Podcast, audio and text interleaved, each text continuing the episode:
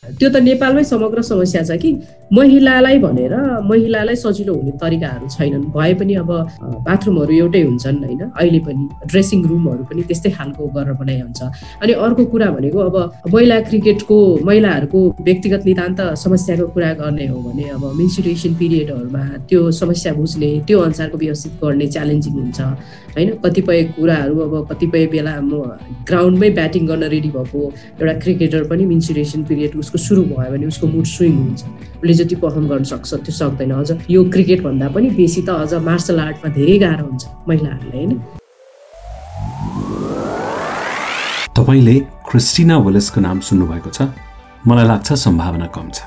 Christina Wallace केन्टका cricketer जन विलेसको दिदीको नाम हो। उनले आफ्नो भाइलाई क्रिकेट प्र्याक्टिस गराउँथे उन्नाइसौँ शताब्दीको सुरुवाती दशकको कुरा हो। त्यति बेला अन्डर आर्म बलिङ गरिन्थ्यो। अन्डर आर्म बलिङ गर्दा उनको स्कर्टमा हात अल्झिने भएकोले उनले राउन्ड आर्म बलिङ गर्न थाले र बलिङ गर्ने नयाँ स्टाइल जन्मियो। कालान्तरमा आएर राउन्ड आर्म बलिङ नै बलिङ गर्ने तरिका भयो। क्रिकेटमा महिलाहरूको योगदान नभएको होइन चर्चा कम हुने गरेको हो। नेपालमा पनि क्रिकेट खेलाडीको सङ्गठन बनाउनु परोस् कुनै एकाडेमी बनोस् वा कुनै क्रिकेट लिग सुरु गर्नु परोस् सबैले कानुनी सहयोग लिन जाने एउटा नाम हुन्छ पवित्रा राउत। थाहा कर्नरमा आज नेपालको पहिलो महिला क्रिकेट स्कोर पत्रकार र वकिल पवित्र राउत।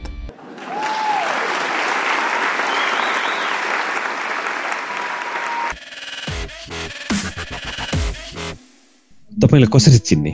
वकिल पत्रकार क्रिकेट स्कोरर?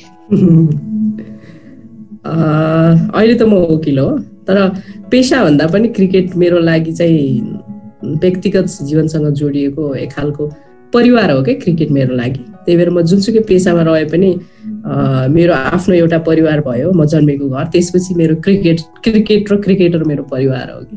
त्यही भएर यसमा वकिल भए पनि जेसुकै भए पनि म क्रिकेटभन्दा टाढा चाहिँ हुँदिनँ त्यही हो।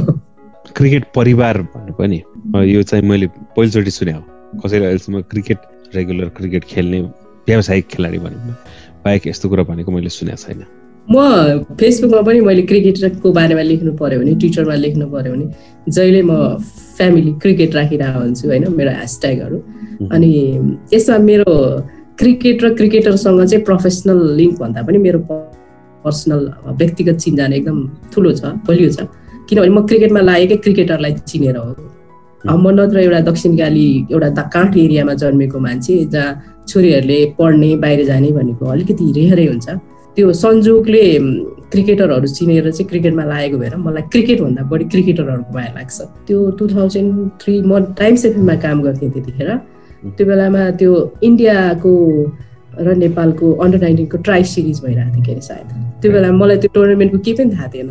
म पहिला त्योभन्दा अगाडि ताहाचल कलेजमा बिएड पढ्दा मेरो साथीहरू क्रिकेटको फ्यान थिए अनि बिहा खाली समयमा त्यो स्कोर कार्डहरू पढ्थेँ विदेशी उहरूको। त्यतिखेर म पत्रिका च्याप्न जान्थेँ मलाई रिस उठ्थ्यो क्रिकेटको त्यो नबुझेर क्या त्यति इरि थियो मलाई त्यो गेम। अनि त्यसपछि त्यसरी म मेरो एउटा साथी आएको थियो बेलायतबाट।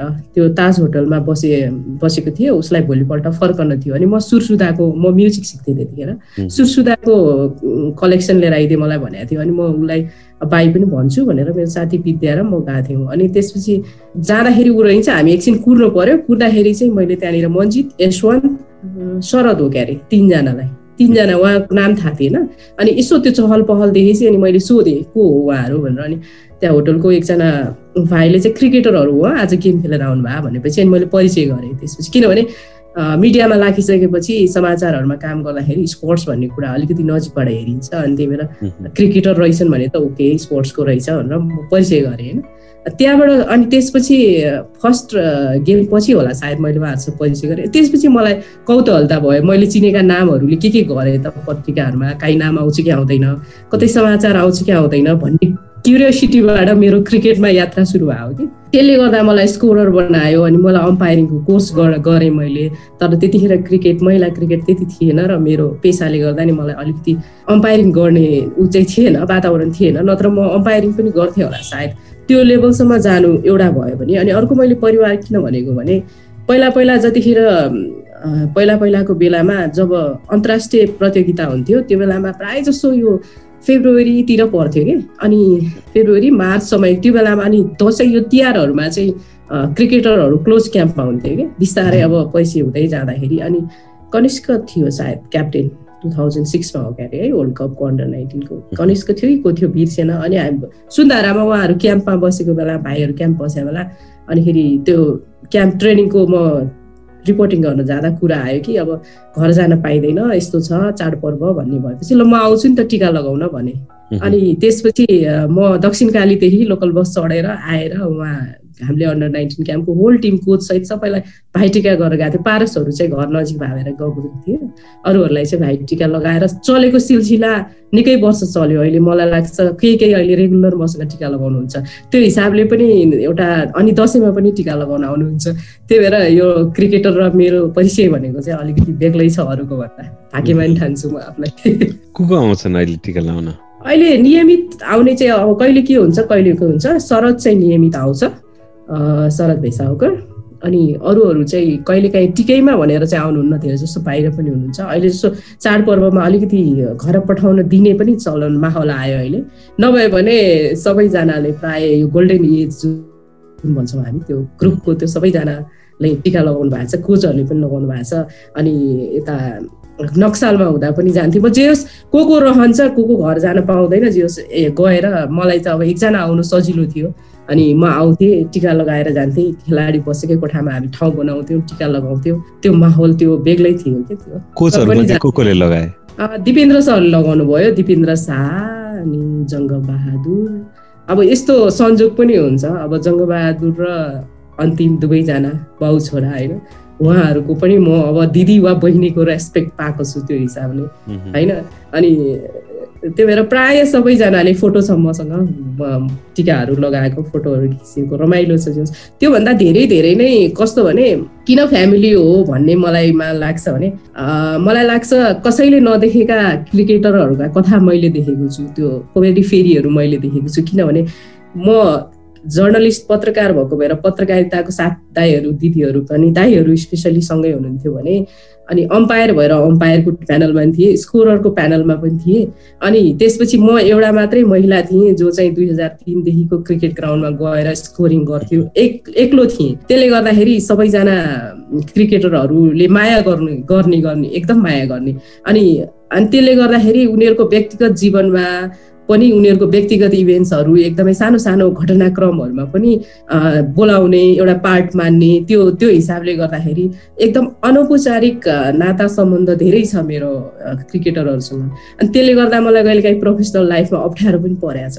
त्यो हुन्छ नि त्यो एउटा एउटा व्यक्तिगत सम्बन्ध अर्को एउटा पेसागत सम्बन्धलाई पनि ब्यालेन्स गर्नलाई धेरै धेरैचोटि समस्या पनि परेको छ। तर त्योभन्दा पनि सबै खाले मान्छे अनि त्यो मात्रै होइन क्रिकेट समर्थकको पनि एक खालको त्यो म एकजना मात्रै म ग्राउन्डमा हुने र अनि क्रिकेटरहरूसँगै हिँड्ने भावेर एक खालको समर्थकहरूले पनि मलाई चिन्नुहुन्छ क्रिकेटरको दिदी भनेर त्यो भएर।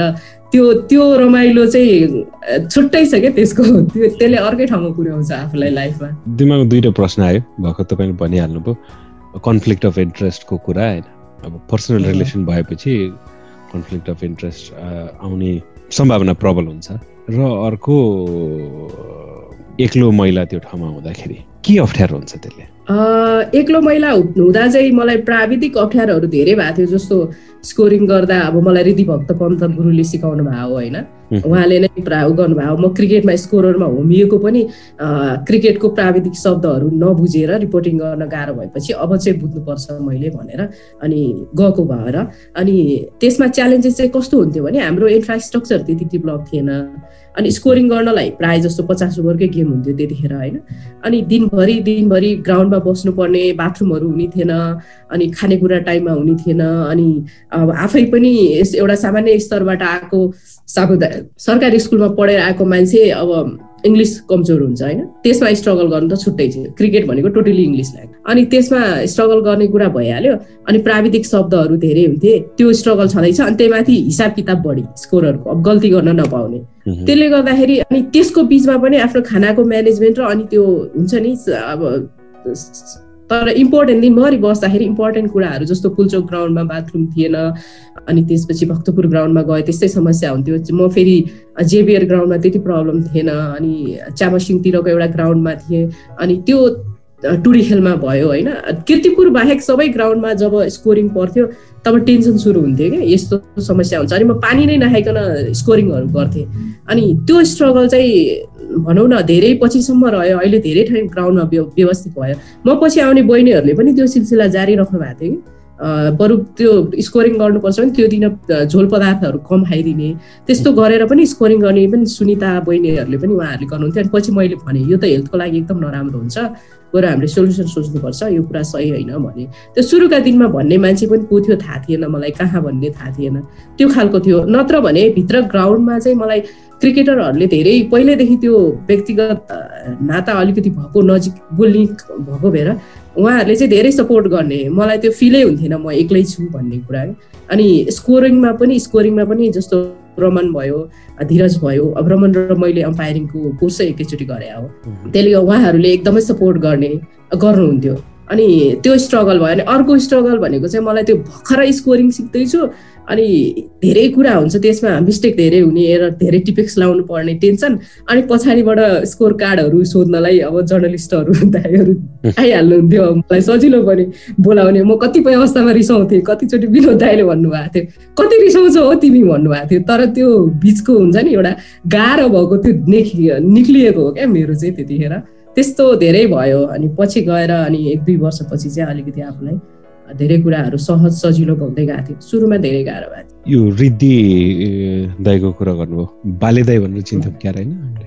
हो बाले दाई हामीले रिपोर्टिङ गर्दाखेरि र त्योभन्दा अगाडिको लागि पनि उहाँ त एक मात्र स्कोर हुनुहुन्थ्यो। वरिपरि कोही पनि थिएन होइन? उहाँले नै सिकाउनु भयो तपाईँले। हजुर एकदमै। उहाँले नै हो। किनभने म सुरुमा स्कोर स्कोर स्कोररको नजिक गएर बस्ने मलाई सबै बुझ्नु छ क्रिकेट अब। रिपोर्टिङै सुरु गरिसकेपछि पहिले बुझ्नुपर्छ भन्ने मलाई फिल हुन्थ्यो। अनि नजिकै बर बस्थेँ अनि उहाँले आफ्नो स्कोर कार्डै दिनुहुन्थ्यो। ल यसरी गर आऊ या नजिक आऊ यसरी गर भनेर उहाँले हात समातेर मलाई लग्नु भयो पछि अन्तर्राष्ट्रिय स्कोरर को मैले सुरु गर्दा यात्रा सुरु गर्दा नि उहाँ बिचमा बिरामी हुनुभयो। मैले गेम चाहिँ बिर्सेँ।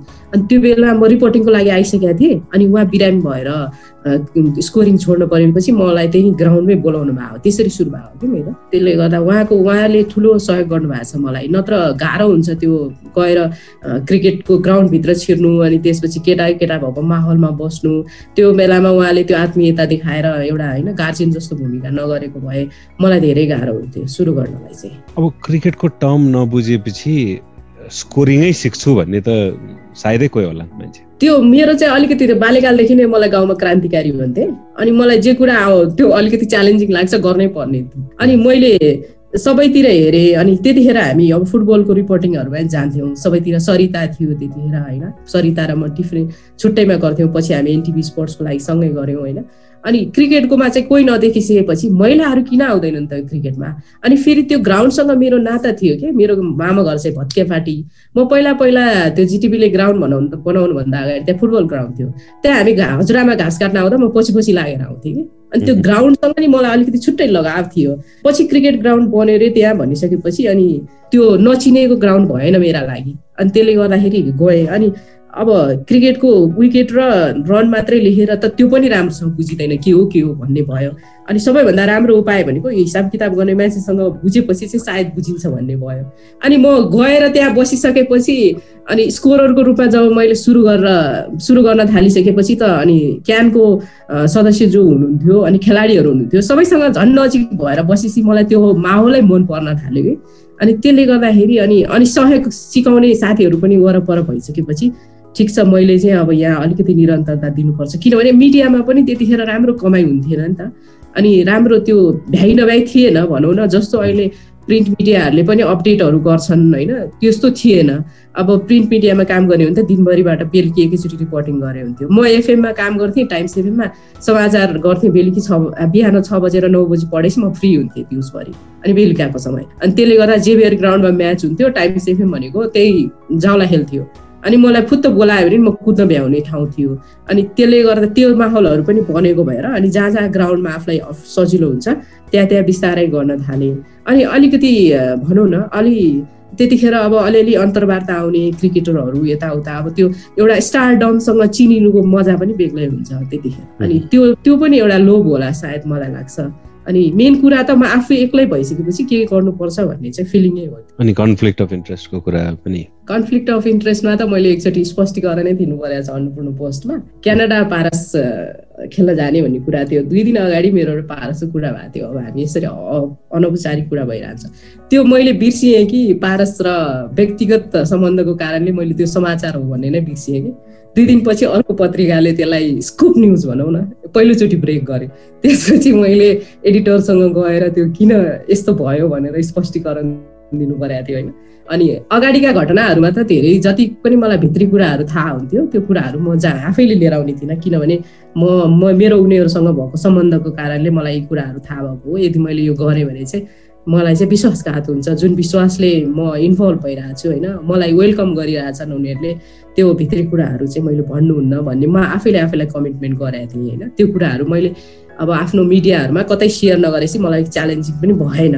तर यो कुरामा यस्ता यस्ता कुराहरू घटना एक दुईवटा घटनाहरूमा चाहिँ जुन कुरा मैले लेखेको भए पनि हुन्थ्यो त्यो कुरा मलाई कहिलेकाहीँ होसै नहुने। ए यो सामान्य गफ हो हामी दुईजनाको भने जस्तो गरेर अनि त्यो हुने। अनि कहिलेकाहीँ चाहिँ अनि लेख्दै यति यस्तो समाचारहरू म पाउँछु यस्तो घटनाहरू पाउँछु। मान्छेहरूलाई स्कोर कार्ड भन्दा पनि बााउन्ड्रीभित्र भन्दा पनि बााउन्ड्री बाहिरको समाचारहरू इन्ट्रेस्टिङ हुन्छ।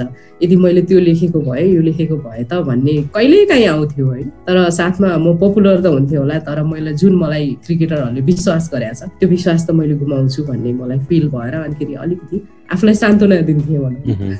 कुन पर्सनल र कुन प्रोफेसनल डिसाइड गर्न गाह्रो हुन्थ्यो? धेरै गाह्रो हुन्छ धेरै गाह्रो हुन्छ। जस्तो तपाईँको शरदसँग म नागरिकताको लागि धेरै शरदसँग सँगै हिँडेँ होइन? अब म त्यो कानुनी ब्याकग्राउन्डको भएको भएर पनि शरदलाई सजिलो हुन्थ्यो अनि म सँगै हिँडेँ त्यो नागरिकता लिने क्रममा अनुरोध गर्ने क्रममा धाउने क्रममा यति घटनाहरू भए होइन। त्यो घटनाहरूको सायदै मैले त्यो लेखेको भए म त्यतिखेर एकदमै चर्चित हुन्थेँ होला। अनि लुवा केही बनाएको भए मैले समाचार। तैँले मैले त्यही बनाइनँ। किनभने शरदले मलाई यस्तो घटनाहरू चाहिँ अग अगाडि नल्याउनु मेरो पर्फर्मेन्समा अप्ठ्यारो हुन्छ नगरौँ यताउता भन्ने अनि उसलाई पनि असिलो असजिलो महसुस हुन्छ भनेर हामीले उ गरेनौँ त्यो त्यो घटनाक्रमलाई ल्याएनौँ। अरू त्यस्तै अब अब जस्तो क्लोज क्याम्प अन्त प्रशिक्षणहरूमा पनि म म मात्रै यस्तो व्यक्ति थिएँ जो क्रिकेटरहरूको कोठामा गएर गफ गरेर बस्न सक्ने यताउता त्यो एउटा मलाई सुविधा थियो भनौँ न त्यो सम्बन्धले गर्दा।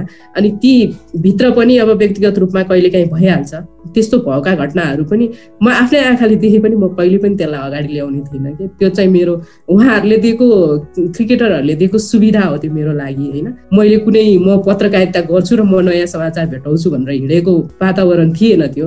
होइन केही गर्छु भन्ने। त्यसले गर्दाखेरि कतिपय कुराहरू क्रिकेटरहरूको लागि कतिपय क्रिकेटको लागि पनि लेख्न नसकिँदो रहेछ। त्यो चाहिँ यथार्थ हो। धेरैचोटि त्यस्तो फिल हुन्छ। अब खास गरी प्रिन्टमा हुँदा र टेलिभिजनमा क्यामेरा नखोलेसम्मको भएको कुराहरू कतिचोटि कोट्याउने गाह्रो हुन्छ। अन स्क्रिन होइन? अब गरौँ कि नगरौँ यो यो चाहिँ मोरल क्वेसन सधैँ हुँदो रहेछ कि? अब थाहा छैन त्यसमा जर्नलिजममा हुन त अब सबै कुरा नै न्युज हो भन्छन् होइन? प्रोफेसनल बााउन्ड्री कहाँ सकिन्छ र पर्सनल कहाँ सुरु हुन्छ थाहा हुन बडा गाह्रो छ। ह्युमन इमोसन ह्युमन रिलेसन भन्ने बडा गाह्रो एकदमै त्यो मलाई महिला क्रिकेटमा पनि यस्तो भएको छ कि। अनि म पहिलो महिला क्रिकेट टिमसँग जाँदाखेरि मलेसिया दुई हजार सातमा जाँदाखेरि हाम्रो मलेसियासँग सेकेन्ड म्याच थियो ग्रुपको पिटिआई ग्राउन्डमा। अनि त्यतिखेर मैले अम्पायरिङ कोर्स गरिसकेँ अब एडभान्स कोर्स पनि गरिसकेको थिएँ। मलाई अम्पायरिङका कुराहरू प्रायः थाहा भइसकेको थियो। कतिखेर के हुन्छ भनेर। अनि त्यतिखेर मलेसिया र नेपालको म्याचमा नेपालले ठिकै थियो कि पचपन्न या त्यस्तैमा पाँच विकेट गएको थियो त्रिहत्तर रन हान्नु पर्ने थियो है नेपालले चेजिङ गरेर। अनि पानी पर्ला जस्तो थियो मलेसियामा पानी परिरहन्छ। तर पानी पर्नेवाला चाहिँ थिएन क्या तत्कालै। तर अचानक अम्पायरले गेम रोक्नु भयो है। अनि मलाई त चित्तै बुझेन किनभने अलिकति एकैछिन ल त्यो सिचुएसनलाई यति त्यस्तो पनि थिएन कि जब पानी परेर रोकिहाल्नु पर्ने अनि मलाई चित्त बुझेन अनि मलाई एक खालको रिस उठ्यो यो त रोक्नै नपर्ने गेम थियो नेपालले जित्थ्यो आरामले। यो किन यस्तो भयो भनेर अनि म म त्यहाँनिर कराउन थालेँ। कराएपछि अनि मैले बिर्सेँ कि बेला त्यो बेला असिस्टेन्ट म्यानेजरको भूमिका नि मै मेरै थियो फिजियो पनि मै थिएँ अनि त्यसपछि जर्नलिस्ट पनि मै थिएँ तिनवटा भूमिकामा थिएँ। अनि त्यसपछि रमेश रत्नायके सरले उहाँले चाहिँ जहिले माया गरेर डियर भन्नुहुन्थ्यो। पवित्रा डियर के भयो भनेर भन्नुभयो। अनि मैले भने यो त मलाई ठिक लागेन सर मैले पनि अम्पायरिङको कोर्स गरेको छु होइन। यस्तो भएपछि यो अलिकति अगाडि म्याचहरू रोकिसकेपछि खेलाडीलाई त मानसिक तनाव पर्छ भनेर भने मैले होइन। अनि त्यसपछि विनय राज पाण्डेलाई पनि फोन गरेँ मैले त्यतिखेर। उहाँलाई अध्यक्षज्यूलाई अनि उहाँले पनि कुरा गर्नुभयो। तर अब त्यो त्यो दौरानमा पानी एकछिनमा पर्यो तर म्याच नेपालले सकाउँथ्यो भन्ने आज पनि मलाई विश्वास थियो। त्यो त तुरुन्तै परेन। एकछिन म्याच रोकिनाले पछि खेलाडीहरू यति तनावमा आयो कि नेपालले त्यो म्याच टाई गर्नु पर्यो सजिलै हाँस्न ऊ जित्नुपर्ने म्याच होइन? त्यो त्यो भएर तर त्यो समाचारलाई मैले हुबाउ जस्तो थियो त्यो लेख्न पनि सकिनँ। त्यतिखेर ब्लग पनि स्टार्ट थिएन मेरो। ब्लग भइदिए सायद ब्लगमा कुनै दिन लेख्थेँ त्यतिखेर। जस्तो अब म तिनवटा भूमिकामा थिएँ त्योलाई कसरी लिएर आउने कहाँसम्म ल्याउने भन्ने खालको तनाव चाहिँ मलाई भइरह्यो। त्यस्ता घटनाहरू धेरै लेख्न पाइएन। त्यसमा चाहिँ भन्न गाह्रो छ के गर्ने र कसो गर्ने। फेरि त्यो तिनवटा भूमिका बडा कन्फ्लिक्टिङ भूमिका छन् कि? एकैजनालाई त्यो त्यो तिनवटा भूमिका दिनुहुन्छ हुँदैन भन्नेमा प्रश्न गर्न सकिएला। तपाईँ फेरि जुन टु थाउजन्ड सेभेनमा नेपाली टिमसँग जानुभयो पछि जानुभयो कि जानु भएन गएँ म टु थाउजन्ड टेनमा पनि गएँ। अहिले पनि मलाई हरेकपल्ट टु थाउजन्ड टेनमा सिङ्गापुरमा हामीले जुन अन्डर नाइन्टिन टाइटल गरेका थियौँ डिफेन्स गराएको थियौँ। अनि अहिले पनि मलाई आउँछ नआउने होइन तर मेरो बाध्यताले अरू कामहरूले गर्दा म भ्याउँदिनँ। अहिले पनि सम्झिनुहुन्छ लेडिज टिमको कतै केही जानु पर्यो भने आइरहेको छ अफर तर दुर्भाग्यवश अरू अरू कामहरूले गर्दा र अरू अरू अब त अरू धेरैजना भइसक्नु भयो फिल्डमा त्यही भएर मै जानु पर्ने आवश्यकता पनि छैन। त्यो टु थाउजन्ड सेभेनको नेपालको महिला टिमको पहिलो आउटिङ हो नि होइन? अब त्यसमा जानु पाउनु ऐतिहासिक भइहाल्यो त्यसको कुरा। मलाई इन्ट्रेस्टिङ के लाग्छ भने यहाँ टु थाउजन्ड एटमा एसिसीले नेरी थापालाई women's player of the year दिएको थियो क्या होइन? अनि त्यही वर्ष पारस खड्कालाई पनि emerging cricketer of the year दिएको थियो एउटै वर्षमा नेपालको दुई दुईजना एउटा महिला एउटा पुरुष खेलाडीले एउटा सम्मान पाए। अहिले टु थाउजन्ड ट्वेन्टी वानमा छौँ हामी। पारस खड्काको नेपालमा स्टेटस के छ? र नेरी थापाको स्टेटस के छ? त्यसले सायद नेपालको पुरुष र महिला क्रिकेटको डिफरेन्स देखाउँछ होइन? देखाउँछ देखाउँछ। एक त अब क्रिकेट कहिले सुरु भएको थियो विकासको क्रम कस्तो थियो त्यसले पनि फरक पार्छ। जस्तो भनौँ न एउटा चित्तै बुझाउने हो भने अब कहिलेकाहीँ दुःख लाग्छ। युएन मोर्गन टिम साउदीहरू खेलेको देख्दा पारसहरूले पनि त्यो जमानामा खेलेका थिए। हाम्रो क्रिकेटर पनि त्यो लेभलका थिए। होइन हामीले त्यसरी हेर्न पाएनौँ एक्सपोजरहरू त्यसरी पाउन सकेनन् भन्ने दुःख लाग्छ। त्यसै गरी अब महिला क्रिकेट पनि एक त ढिला सुरु भयो। तर मलाई महिला क्रिकेटमा त्यतिखेरको र अहिलेको त्यो पारसको र नेरीको कम्पेरिजन भन्दा पनि यो साउथ एसियामा तपाईँको एसियन कन्ट्रीमा साउथ एसियामा विशेष गरी अलिकति महिला वुमेन्सहरूको एक्टिभिटिजमा महिलाहरूमा अलिकति मलाई नेपाली महिलाहरू चाहिँ अलिक अगाडि जस्तो लाग्छ कि तपाईँ जेसुकैको हामी धर्म संस्कृति होइन देखि लिएर कस्टम प्रथाहरूदेखि लिएर सबैबाट अलिकति हेर्ने हो भने हाम्रो जुन मिक्सचर छ हिमाल पहाड तराईको त्यसमा त्यो मिक्सचरमा पहाडको र हिमालको अलिकति महिलाहरू अलिक फिजिकली स्ट्रङ हुने तराईको महिलाहरू चाहिँ तराई इन्डियन बोर्डरहरू नजिक रहेको भएर क्रिकेटको त्यो एउटा रस हुने त्यो कम्बिनेसन छ नि त्यो त्योमा चाहिँ जति नेपाली महिला क्रिकेटरहरूले गर्न सक्छ नि त्यो अवसर हामीले दिन सकेनौँ। त्यो रूपमा उहाँहरूलाई तयार गर्न सकेनौँ भन्ने दुःख चाहिँ लाग्छ। त्यो चाहिँ हो कि जस्तो टु थाउजन्ड सेभेनमा बङ्गलादेशले टेस्ट मान्यताको लागि त्यो एसिसी वुमेन खेलेको थियो। अनि बङ्गलादेशको क्रिकेट हाम्रोभन्दा धेरै नै माथि थियो। हामी कम्पेयरै गर्न मिल्ने थिएन फाइनलमा खेल्दाखेरि। अनि तर अगाडिको हङकङ एकदमै गजबको टिम थियो। हरेक कुरादेखि लिएर उहाँहरूको स्कुल के अरे क्रिकेटको ड्रेसदेखि लिएर क्रिकेट किट्सदेखि लिएर हरेक कुरा हामी हेरिरहन्थ्यौँ त्यतिखेर लट्ठ परेर हामीसँग केही पनि हुन्थेन। अनि हाम्रो आज लगाए भोलि च्यातिने जस्तो जुत्ताहरू त्यस्तो अवस्था थियो होइन। त्यो त त्यो हुँदा पनि हामीले नेपालले जित्यो हङकङलाई राम्रोसँग। अनि थाइल्यान्ड बिचरा थियो हाम्रो अगाडि। तर थाइल्यान्डले अहिले महिला क्रिकेटमा कहाँ पुऱ्याइसक्यो होइन। यो यो कुराहरू हेर्दाखेरि महिला र पुरुषको कम्पेरिजन भन्दा पनि महिला क्रिकेटकै बिचमा पनि हाम्रो हामीले तयारी व्यवस्थापन राम्रो गर्न नसकेर महिला क्रिकेटरहरूलाई अलिकति व्यवस्थित गर्न नसकेर हामीले जति चाहिँ मलाई लाग्छ छिट्टो तपाईँको वर्षको दौरान गर्ने हो भने पुरुष क्रिकेटभन्दा महिला क्रिकेटले अझ माथि जाने चान्स थियो तर त्यो महिला क्रिकेटरहरू बिचमा कम्पेयर गर्दा पनि हामीले दुःख एक्ज्याक्टली एक्ज्याक्टली मैले कम्पेयर कुन हिसाबले गर्न खोजेको होइन भने महिलाहरूले गरेनन् पुरुषहरूले गरे भन्ने हिसाबले होइन। सफल हुनको लागि त ब्याकग्राउन्ड वर्क हामी कति गर्छौँ त्यसले देखाउने भने रिजल्ट देखिने त पछि हो। हामी एउटा कुनै पनि बिउ रोप्दाखेरि पहिलो दुई महिना उम्रिन्न कि? होइन पहिलो दुई महिना रुख देख्दैनौ नि। तेस्रो महिनामा गएर बिरुवा पलाएको देख्यो भने त्यो तेस्रो महिनामा मात्रै पलाएको होइन। त्यसको अगाडिको दुई महिनाको जुन जमिन मुनिको काम छ नदेखिने मात्रै हो त्यो होइन? रिजल्ट पछि देखिने हो। हामीले त्यसको लागि कति मलजल गरेका छौँ? त्यो देखिएको हो नि त खास। महिला क्रिकेट खास गरी अहिले क्यानको कुरा काटे जस्तो हुन्छ तर क्यानको लागि टोकनिजम हो महिला क्रिकेट पनि छ भन्ने जस्तो लाग्दैन त। त्यो अब लाग्छ नलाग्ने होइन। मलाई त भन्नुहुन्छ भने मैले क्यान पनि नजिकबाट हेरेको भएर। क्रिकेटर छ र क्रिकेट छ भन्ने छैन। क्यान छ र क्रिकेटर छ भन्ने खालको भनाइ भावना छ क्या। पहिलेदेखि त्यो एउटा भित्र एउटा हाम्रो पदाधिकारी जीवहरूमा अनि सुरु सुरुमा ग्राउन्डहरूमा जाँदाखेरि पदाधिकारीहरूले क्रिकेटरहरूलाई गर्ने व्यवहारहरू हेर्थेँ क्या। म नजिकबाट कसरी व्यवहार गर्नुहुन्थ्यो भन्दाखेरि एक खालको त्यो सामन्तित पाराको व्यवहार थियो कि क्रिकेटरहरूलाई। उहाँहरूलाई पर्याप्त सम्मान गर्नुपर्ने नगर्यो भने त्यसको बदला छनौटहरूमा लिइदिने अनि त्यसपछि बोल्दाखेरि पनि त्यो एक खालको हैकमवादी परम्परा देखिन्थ्यो कि। त्यो भावेर मैले के भन्छु भने हामीले बुझ्नु जरुरी छ कि क्रिकेटको भविष्यको लागि क्रिकेटर जरुरी छ।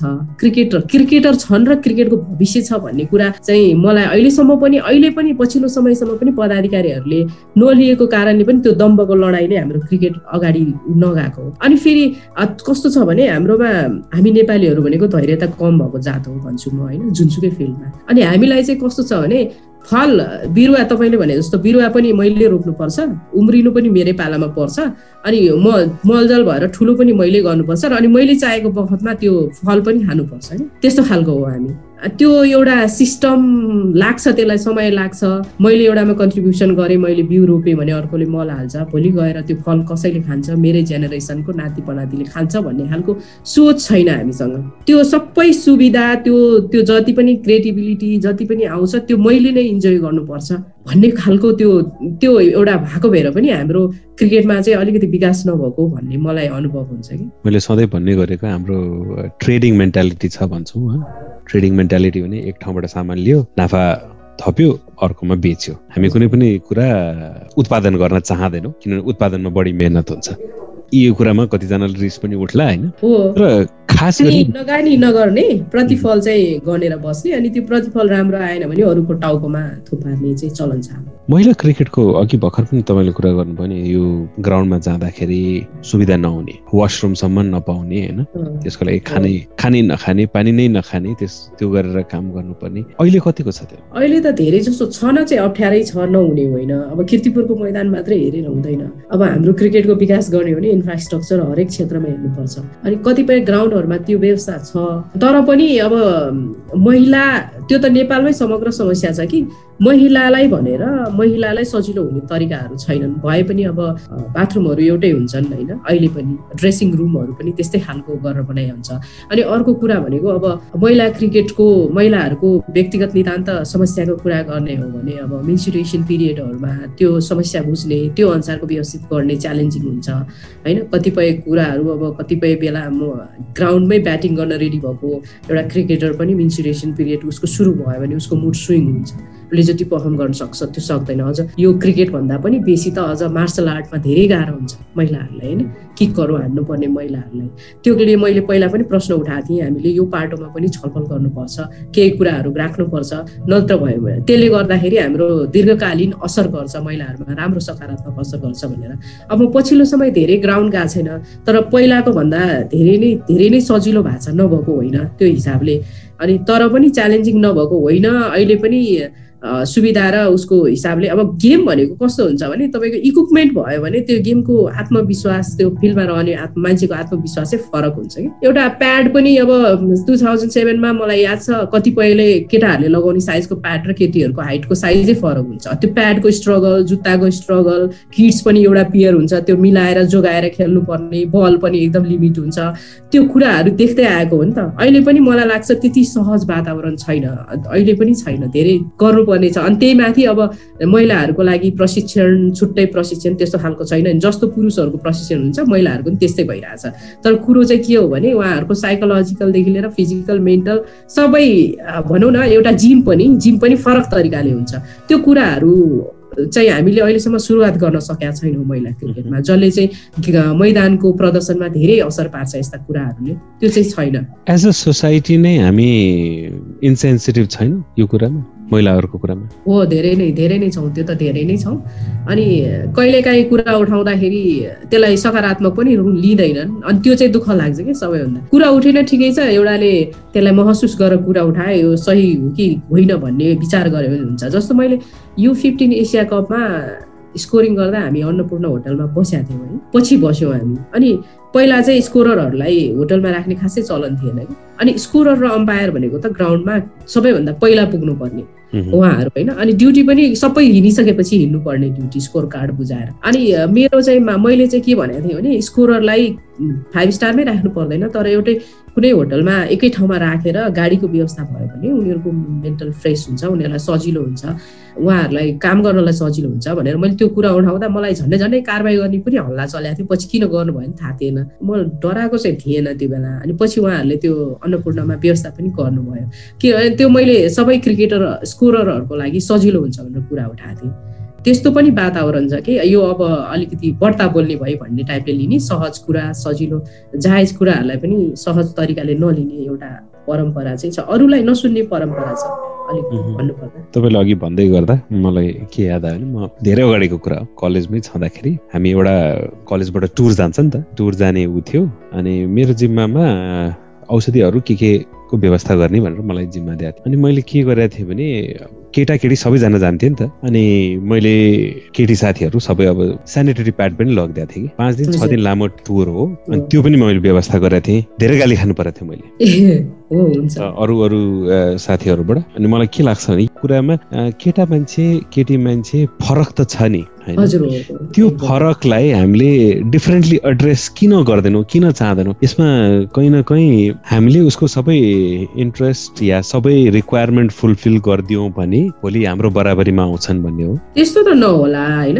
अनि हामीले त्यो एउटा रियलाइजेसन गराउन पनि नसकेको भन्छु म। अनि हामी यो विषयमा छलफल गर्दैनौँ। छलफल नभएपछि रियलाइजेसन हुँदैन।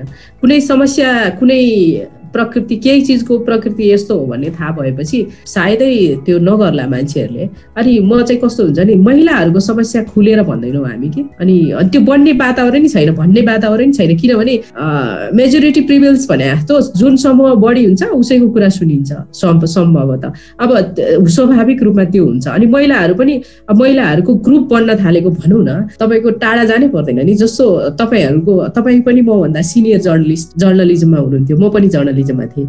अनि म स्कोरिङ पनि गर्थेँ। तपाईँहरूको कफी चिया टेबलमा क्रिकेटका धेरै गफ हुन्थे होला होइन? म गेस गर्न सक्छु। हरेकपल्ट त्यो क्रिकेटको घटनाक्रमलाई ल्याएर छलफल हुन्थ्यो होला यस्तो हुन्थ्यो होला। तर मैले त्यो अवसरै पाइनँ कि। म एक्लै हुन्थेँ अनि त्यसपछि स्कोरिङ गऱ्यो कुद्दै गयो रिपोर्टिङ बनायो अनि त्यो अफिसमा पनि माहौल हुँदैन त्यसरी छलफल गर्ने बस्ने एक त इजिली पनि लिइँदैन। भनौँ न हामी महिला पत्रकार र पुरुष पत्रकार सँगै बसेर कति कुरा गर्छौँ र। त्यो हुँदैन कि? अनि त्यसले गर्दा पनि काहीँ न काहीँ कम्पिटिसन कम्पिटेन्सी लेभल कस्तो हुन्छ भने हाम्रो हाम्रो फिल्ड भनेको जति हाम्रो इन्फर्मल्ली अनौपचारिक रूपमा हामी समय दिन सक्छौँ त्यति हाम्रो आत्मविश्वास बढ्छ।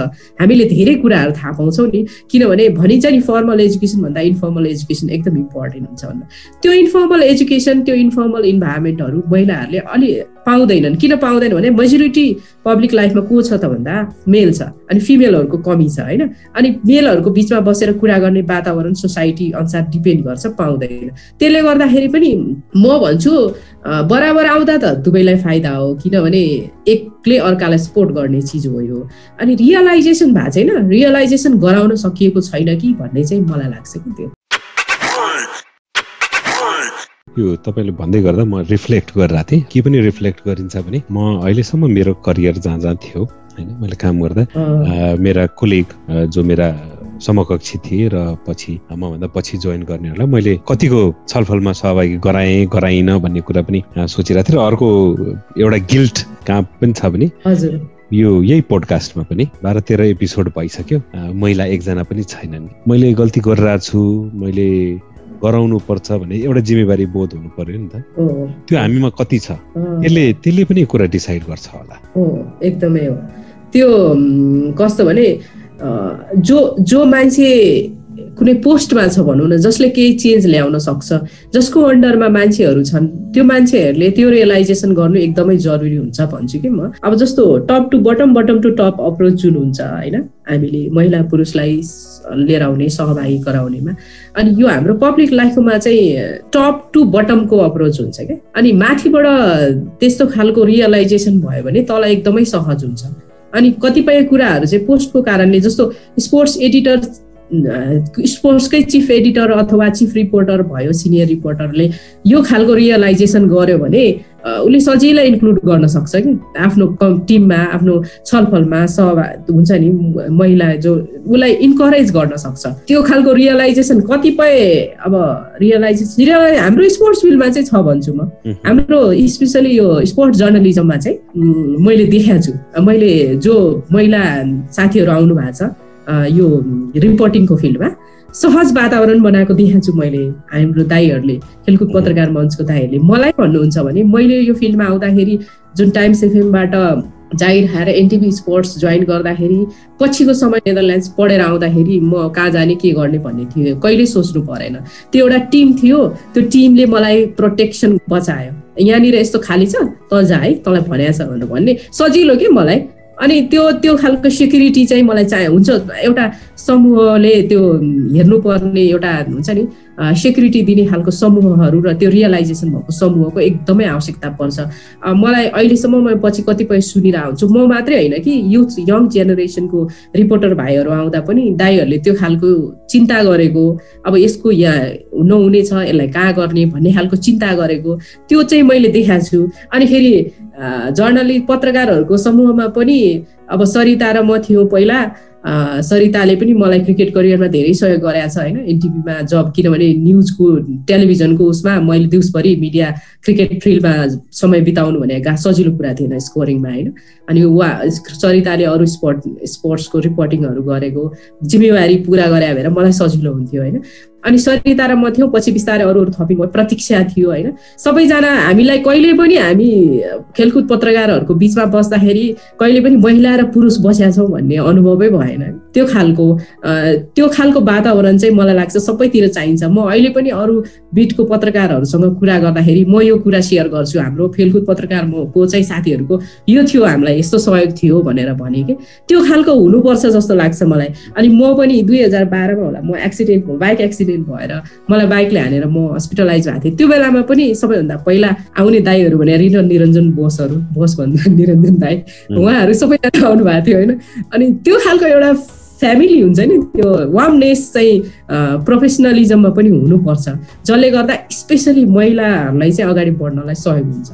यो प्रोटेक्सनको कुरा भन्नुभयो नि।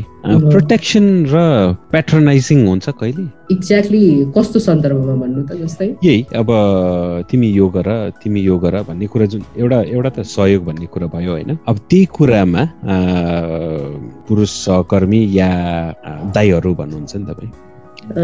उनीहरू पेट्रोनाइजिङ भएको फिल हुँदैन कहिले? त्यस्तो त अब कस्तो हुन्छ होइन अब मैले मेरो अन्डरस्ट्यान्डिङमा चाहिँ सहयोगको हिसाबले रिपोर्टिङमा सहज वातावरण होस् अनि अब पत्रकारिता भनेको पब्लिक लाइफ हो अनि त्यसमाथि पनि खेलकुद पत्रकारिता भन्ने त झन् फिल्डमै जानुपर्ने होइन। त्यो वातावरण सहज बनाउनलाई उहाँहरूले देखाउनु भएको त्यो एउटा सुरक्षा छ नि। त्यो त्यो त्यो हितलाई त हामीले कहिले पनि नकारात्मक रूपमा लिनु हुँदैन अब कतिखेर चाहिँ हामीलाई अब्जेक्सन हुन सक्छ भने जस्तो यो तरिकाले समाचार लेख त्यो तरिकाले लेख। तिमीले लेखेको भएन वा तिमीले लेखेकोमा यो पुगेन यसरी लेख भनेर एक खालको त्यो हुन्छ नि। त्यो गर्यो भने चाहिँ अलिकति आपत्तिजनक हुन्छ होला।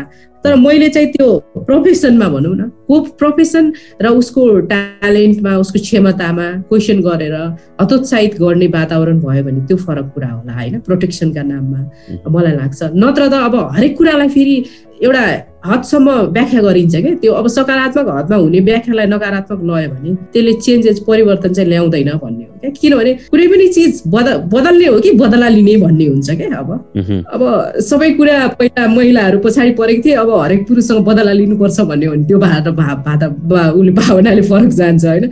समाज बदलिँदैछ समाजलाई बदल्नुपर्छ भने त्यो कुरालाई सकारात्मक रूपमा व्याख्या गरेर अलिकति राम्रो चेन्ज पनि ल्याउन सकिन्छ भन्ने चाहिँ मेरो सोचाइ हो। नाइस नाइस मलाई मन पर्यो बदल्ने कि बदला लिने भन्नेलाई। एउटा मेरो ऊ स्वीकार छु है म गल्ती कतिपय टेलिभिजन हामी सुरु हुँदाखेरि म सुरुभन्दा अलि अगाडि काम गर्थेँ नि त त्यहाँ। हाम्रो अनेर जानुभन्दा अगाडिदेखि। त्यति बेला मे मैले एउटा प्रयास के गरेको थिएँ भने स्पोर्ट्समा महिला एङ्कर पर्छ त्यति बेला जर्नलिजममा कोही पनि थिएनन्। महिला स्पोर्ट्स जर्नलिजममा। त्यति बेला प्रयास गरेको थिएँ विभिन्न कारणले त्यो प्रयास सफल भएन तत्काल। तर यो कुरा मलाई पछि आएर चाहिँ के फिल भयो भने गर्नुको पछाडिको कारण म मार्केट हेरेर थिएँ महिला एङ्कर भयो भने बढी मान्छेले मन पराउँछन्। हजुर।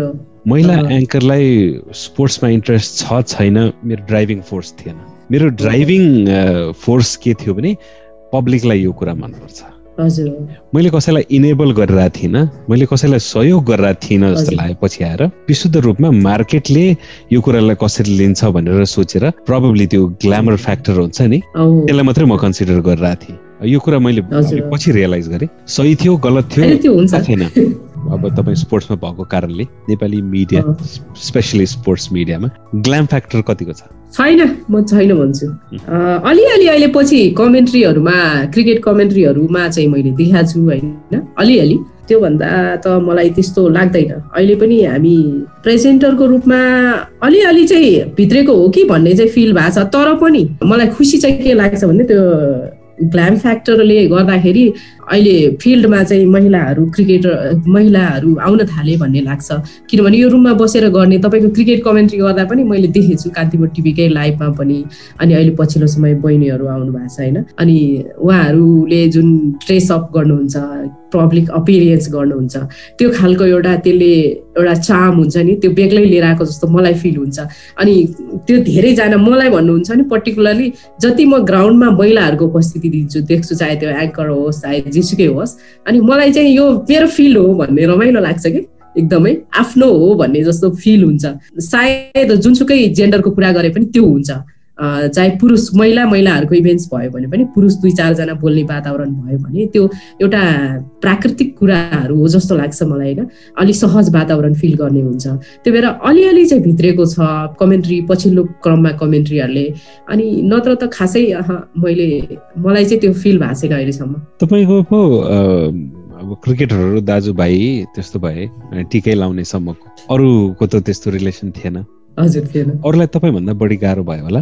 अब गाह्रो केसम्म गाह्रो त गाह्रो भयो होला। गाह्रो हुन्छ नहुने होइन। गाह्रो कस्तो भने मलाई त मैले पहिला पर्सनल्ली चिने अनि त्यो खालको सम्बन्ध विस्तार गरेँ अनि सजिलो भयो। मलाई बोल्ने मान्छेहरू धेरै भयो होइन? अरू जो फिल्डमा आउनुहुन्थ्यो उहाँहरूलाई धेरै गाह्रो हुन्थ्यो। क्रिकेटरै पनि महिला क्रिकेटरहरूलाई पनि पुरुष क्रिकेटरहरूको पनि छ। हाम्रो एउटा नेपालको त्यो भौगोलिक वातावरणले गर्दाखेरि फरक फरक व्यवहारको हामी छौँ।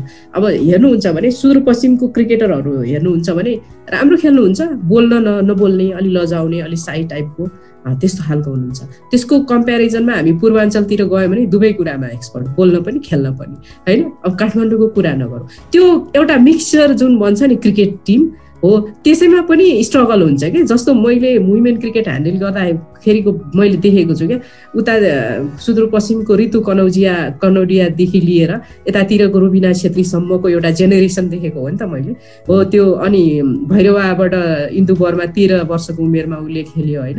हिन्दूले हो त्यो त्यो खालको वातावरण देखेको नि। त्यहाँनिर पनि त्यो मिक्सचर छ। उहाँहरूले पनि त्यो एक खालको त्यो कल्चरल स्ट्रगल गरिरहनु भएको हुन्छ महिला पुरुष क्रिकेटरमै।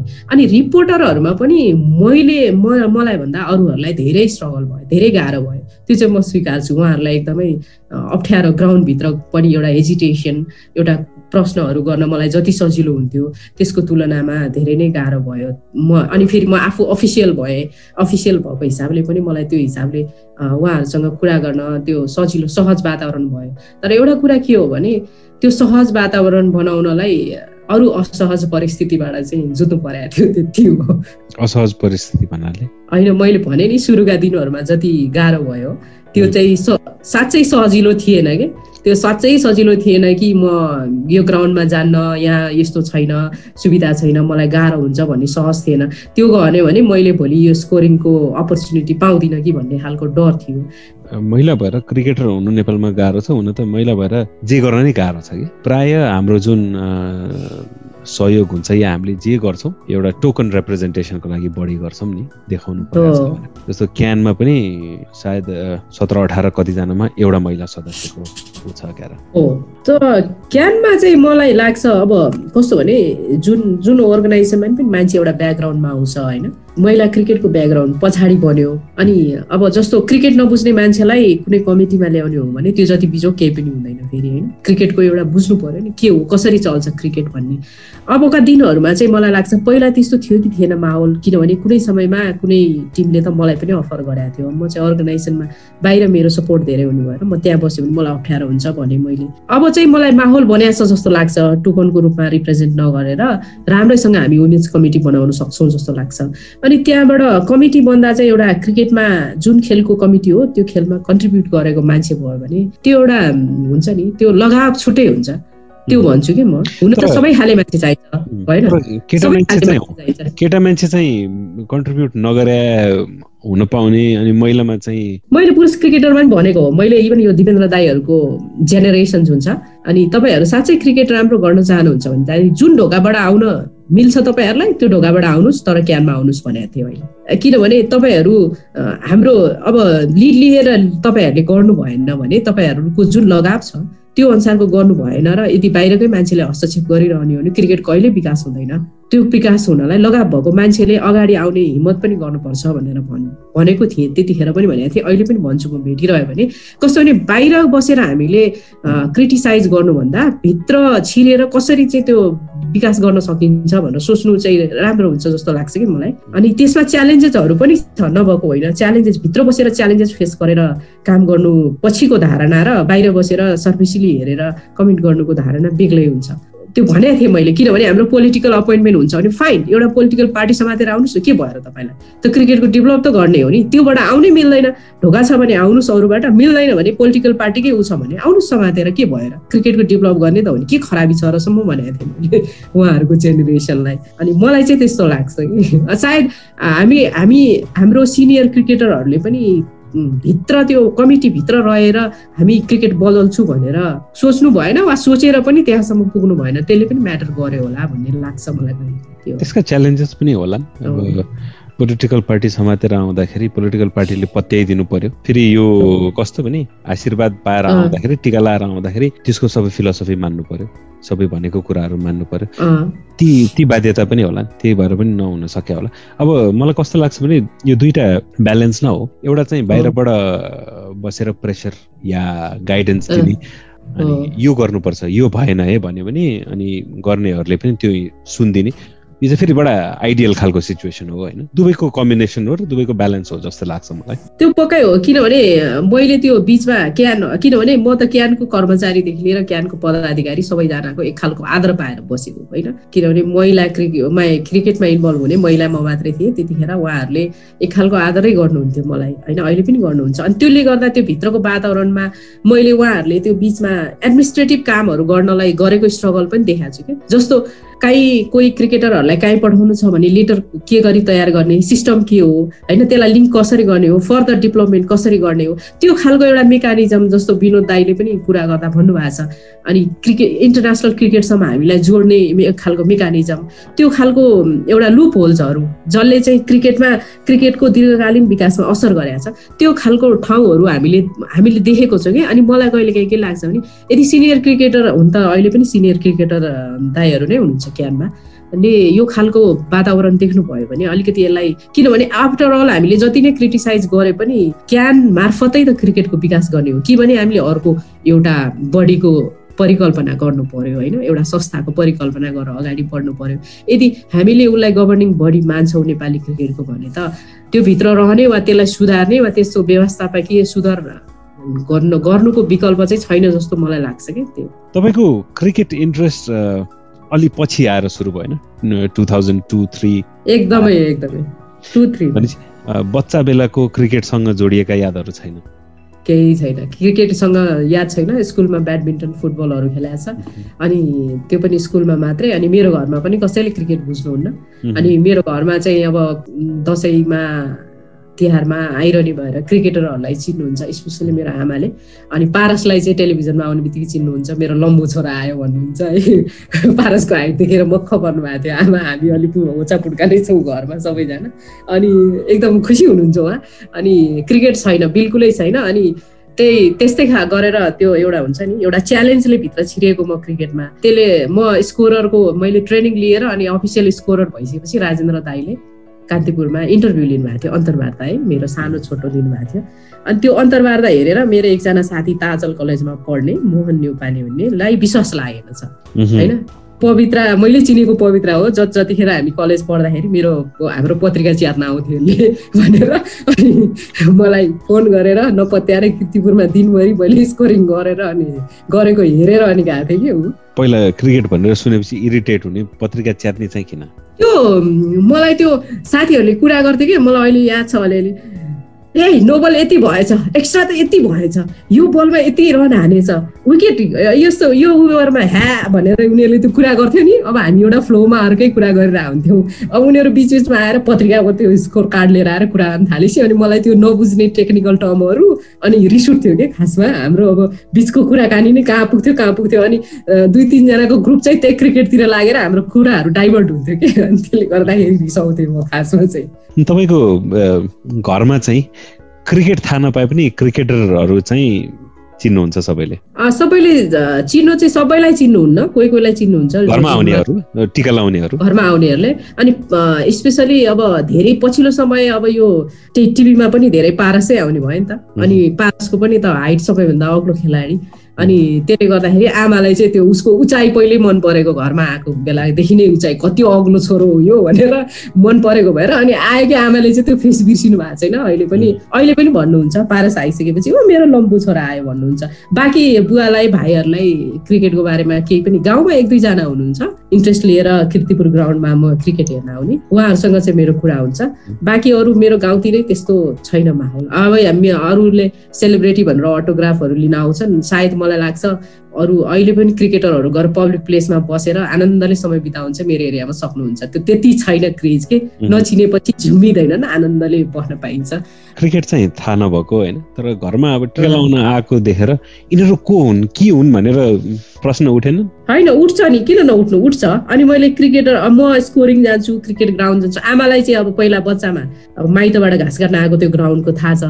अनि कतिपय अवस्थामा चाहिँ म क्रिकेट आइरहेको बेलामा कहिले काहीँ सिकाउँथेँ होइन? यस्तो हो यही हो क्रिकेट भनेर भन्थेँ बुझ्ने त होइन त्यो।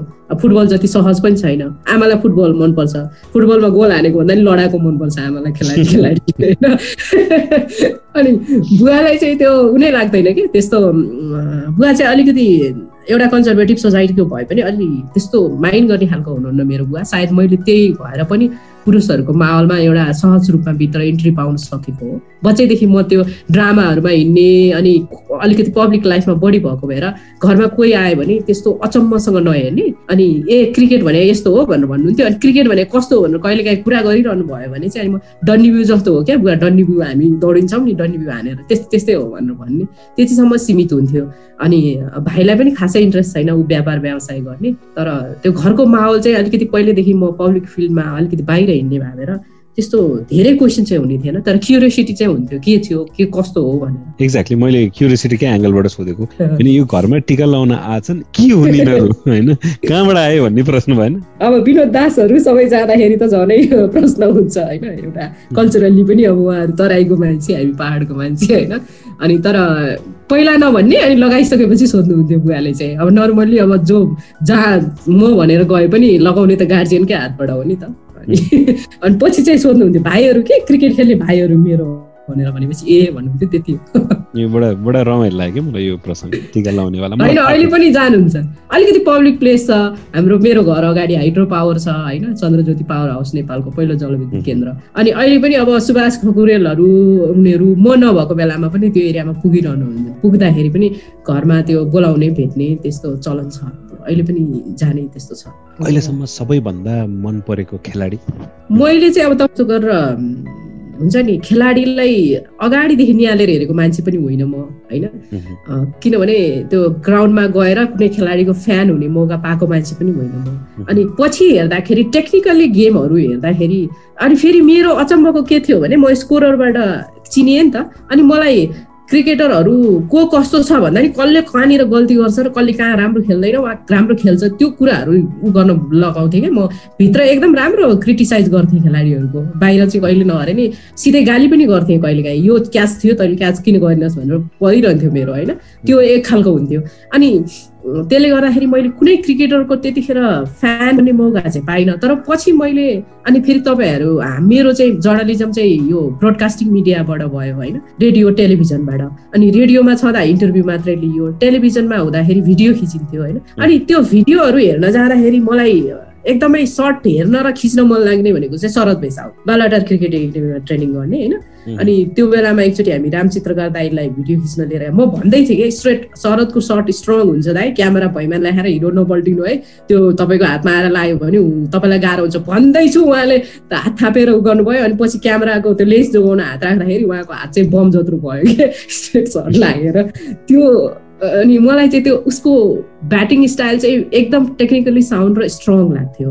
अनि अनि मलाई मिस हुने चाहिँ शरदको म्याचमा मैले स्कोरिङ गर्न पाइनँ भने अनि म स्कोरर छैन भने शरदले फिफ्टी या हन्ड्रेड त्यस्तै रन हानेर म भइनँ भने चाहिँ मलाई ठुलो कुरा मिस भयो भन्ने चाहिँ फिल हुन्थ्यो कि। अनि कतिपय अवस्थामा अनि कुनै दिन मैले उसको इनिङ राम्रोसँग हेरेँ भने मलाई एकदम त्यो तृप्ति हुन्छ कि आनन्द आउँथ्यो त्यो चाहिँ।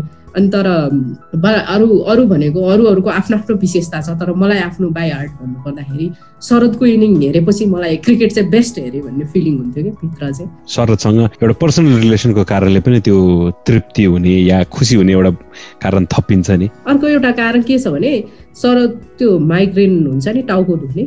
त्यसको ले पीडित मान्छे। अनि हामी एनटिपी स्पोर्ट्समा काम गर्दा बाग बजारमा हाम्रो एनटिपी स्पोर्ट्सको अफिसको ठ्याक्कै अपोजिटतिर ताज होटल। अनि सुरु सुरुमा जतिखेर शरदलाई हामीले यङ क्रिकेटरहरू मैले चिनेँ। पछि गएर टाइम्सबाट एनटिभी जाँदाखेरि झन् उनीहरू नजिक भए मसँग कि। होटलमा इभन बडा खाजा खान निक्दैन साउथ कोल भन्ने रेस्टुरेन्ट अगाडि थियो झ्यालबाट दिदी भनेर बोलाउँथेँ बाहिर निस्क्यो होइन। त्यो एउटा छुट्टै माहौल थियो क्या मेरो। अनि त्यतिखेर मैले जति पनि टुर्नामेन्टहरू ग्राउन्डमा मैले स्कोरिङ गरेर आएपछि मलाई थाहा हुन्थ्यो कि शरद चाहिँ टाउको दुखेर एकदम निस्लोट परेर सुतिरहेको अवस्था हुन्थ्यो कि अनि म कहिलेकाहीँ रुममा जान्थेँ अनि रुममा गएर यसो हेर्थेँ यही क्रिकेटर हो त्यतिखेर ग्राउन्डमा यसरी सर्ट खेलेको र यही क्रिकेटर हो अहिले यसरी सुतिरहेछ भन्ने खालको त्यो छुट्टै हुन्छ नि त्यो रेस्पेक्ट भनौँ न त्यो कन्ट्रिब्युसनको रेस्पेक्ट। अब मान्छेलाई इन्डिभिजुअल को मनपर्छ मन पर्दैन फरक कुरा हो। तर त्यो एउटा उसको त्यो डेडिकेसन चाहिँ मलाई गजब लाग्थ्यो। कहिले काहीँ अनि प्रायः जसो हुन त म सबैलाई केही न केही लान्थेँ। चक्लेट लिएर गयो पारसले कहिले काहीँ शरदलाई मात्रै ल्याउनु न शरदलाई मात्रै भनेर भन्थ्यो कि त्यो जिस्काउँथ्यो। अनि त्यस्तो होइन भनेर भन्थेँ म। अनि त्यो भित्रबाट उहाँ उनीहरूले त्यो भित्र अभावको बिचमा पनि गर्ने पर्फर्मेन्स र अनि शरद मात्रै होइन अरू क्रिकेटरहरूले पनि देखाउने जुन डेडिकेसन थियो त्यो डेडिकेसनमा चाहिँ मलाई साँच्चै आदर लाग्थ्यो क्रिकेटरहरूप्रति त्यो अभावमा पनि जुन युनिटी देखाएर उनीहरूले पर्फर्म गर्थ्यो अनि भित्र र बाहिरका सबै स्टोरी थाहा हुने भावेर मलाई उनीहरूप्रति अहिले पनि पहिला पनि छुट्टै आदर आदर एकदमै आदर हुन्छ क्रिकेटरहरूप्रति थियो महिला क्रिकेटरहरूमा सबै मलाई एउटा ब्याटर्सहरूमा चाहिँ मधु मन पर्थ्यो मधु थापा। त्यो थियो अनि नेरी पनि नेरी राम्रो क्रिकेटर हो होइन? त्यसपछि अर्को भनेको सीता सीता राम्रो छ ऊ फिल्ड बाहिर र फिल्डभित्र पनि राम्रो क्रिकेटर हो ऊ राम्रो पर्सनालिटी भएको मान्छेको रूपमा चिन्छु। अनि पछिल्लो क्रममा करुणा पनि मनपर्छ। इनोसेन्ट एकदमै डेडिकेटेड भएर खेल्ने खेलाडी चाहिँ मैले अगाडिको टिमदेखि देखेको ऋतु कनौजिया पनि राम्रो लाग्छ। छुट्टै रूपमा महिला गार्जेनको रूपमा हेरियो नि त सुरुदेखि टिमलाई। त्यो भावेर अनि फेरि अलिकति हरेक टिम पछि रेगुलर एउटै क्रिकेटर मनपर्ने भन्दा नि हरेक टुर्नामेन्ट पछि नै अलिअलि फरक फरक क्रिकेटरहरू चाहिँ विशेष ऊ भयो। तर मलाई अहिलेसम्म एकदम प्राउड लाग्ने भनेको चाहिँ जुन पहिलो टुर्नामेन्टदेखिको रेगुलर रूपमा जुन सीताले क्यारी अन गरेको छ त्यस्तो खालको चाहिँ अरू क्रिकेटरहरूले पनि गर्नुपर्छ भन्ने मलाई फिल हुन्छ। अनि एकदमै रेस्पेक्ट लाग्ने क्रिकेटर चाहिँ निरा राजु भत्यायो मलाई। किनभने एउटा असनको नेवार कम्युनिटीमा जन्मिएर एउटा व्यापार बिजनेस गर्ने कम्युनिटीबाट त्यो क्रिकेटमा लागेर अनि धेरै नबोल्ने पर्फर्मेन्स राम्रो गर्ने एकदम जेन्टल होइन? पहिलो टुर्नामेन्टदेखि नै एकदमै यो यो चाहिँ पक्का स्पोर्ट्स वुमन हो भन्ने फिलिङ हुने गरेर देखिने क्रिकेटर अनि फिल्ड बाहिर पनि फिल्डभित्र पनि एकदम डिसिप्लिन क्रिकेटर निरा लाग्थ्यो पहिलादेखि मलाई त्यो चाहिँ। कतिवटा केसमा त त्यो कथा कथा थाहा पाएपछि उनीहरूको स्ट्रगल देखेपछि बढी आदर आउँछ नि। एउटा पाटो बढी हेरेर आउँछ हामीले ग्राउन्डमा कस्तो पर्फर्म गरेर हेरेर आउँछ त्यो एउटा पाटो हुन्छ। तर त्यहाँसम्म पुग्नको लागि उसले कति मेहनत गर्यो र कुन कुन अवस्थाबाट पार हुनु पर्यो त्यसले त्यो क्यारेक्टर बनाउँछ नि त्यसपछि मान्छेको सम्मान पनि बढ्छ कि? अनि अनि अर्को के हुन्छ भने जुन हाम्रो एउटा इन्डिजिनियस टाइपको क्यारेक्टर छ नि क्रिकेटरहरूको हाम्रो महिला होस् चाहे पुरुष होस् अरू कन्ट्रीको जस्तो भेराइटिज हुँदैन। नेसनालिटीको भेराइटिज त्योभित्र अनि फेरि हामी जस्तो एउटा अविकसित मुलुकहरूमा राष्ट्रियता भनेर ठुलो कुरा हुन्छ होइन। ठुलो कुरा हुन्छ हाम्रो लागि। अनि त्योभित्र हाम्रो जो इन्डिजिनियस क्यारेक्टरको क्रिकेटर क्रिकेटरहरूले देखाउने त्यो राष्ट्रियता चाहिँ गजबको छ क्या गजबैको छ भन्छु म चाहिँ। त्यो चाहिँ मैले त्यो देखेको छु त्यो कुराहरू। यस्तो यस्तो इन्सिडेन्टहरू पार गरेर हामी तै पनि हामी डराउँदैनौँ क्या नेपालको लागि भनेर। जस्तो पहिलो एसिसीमा हामी जाँदाखेरि हामीलाई क्याप दिएको थियो रातो टी सर्ट दिएको थियो अनि प्यान्ट दिएको थियो। हामीलाई एयरपोर्टतिर हेर्दा कुनै मेन पावर कम्पनीको मान्छेहरू गर्न भन्थ्यो।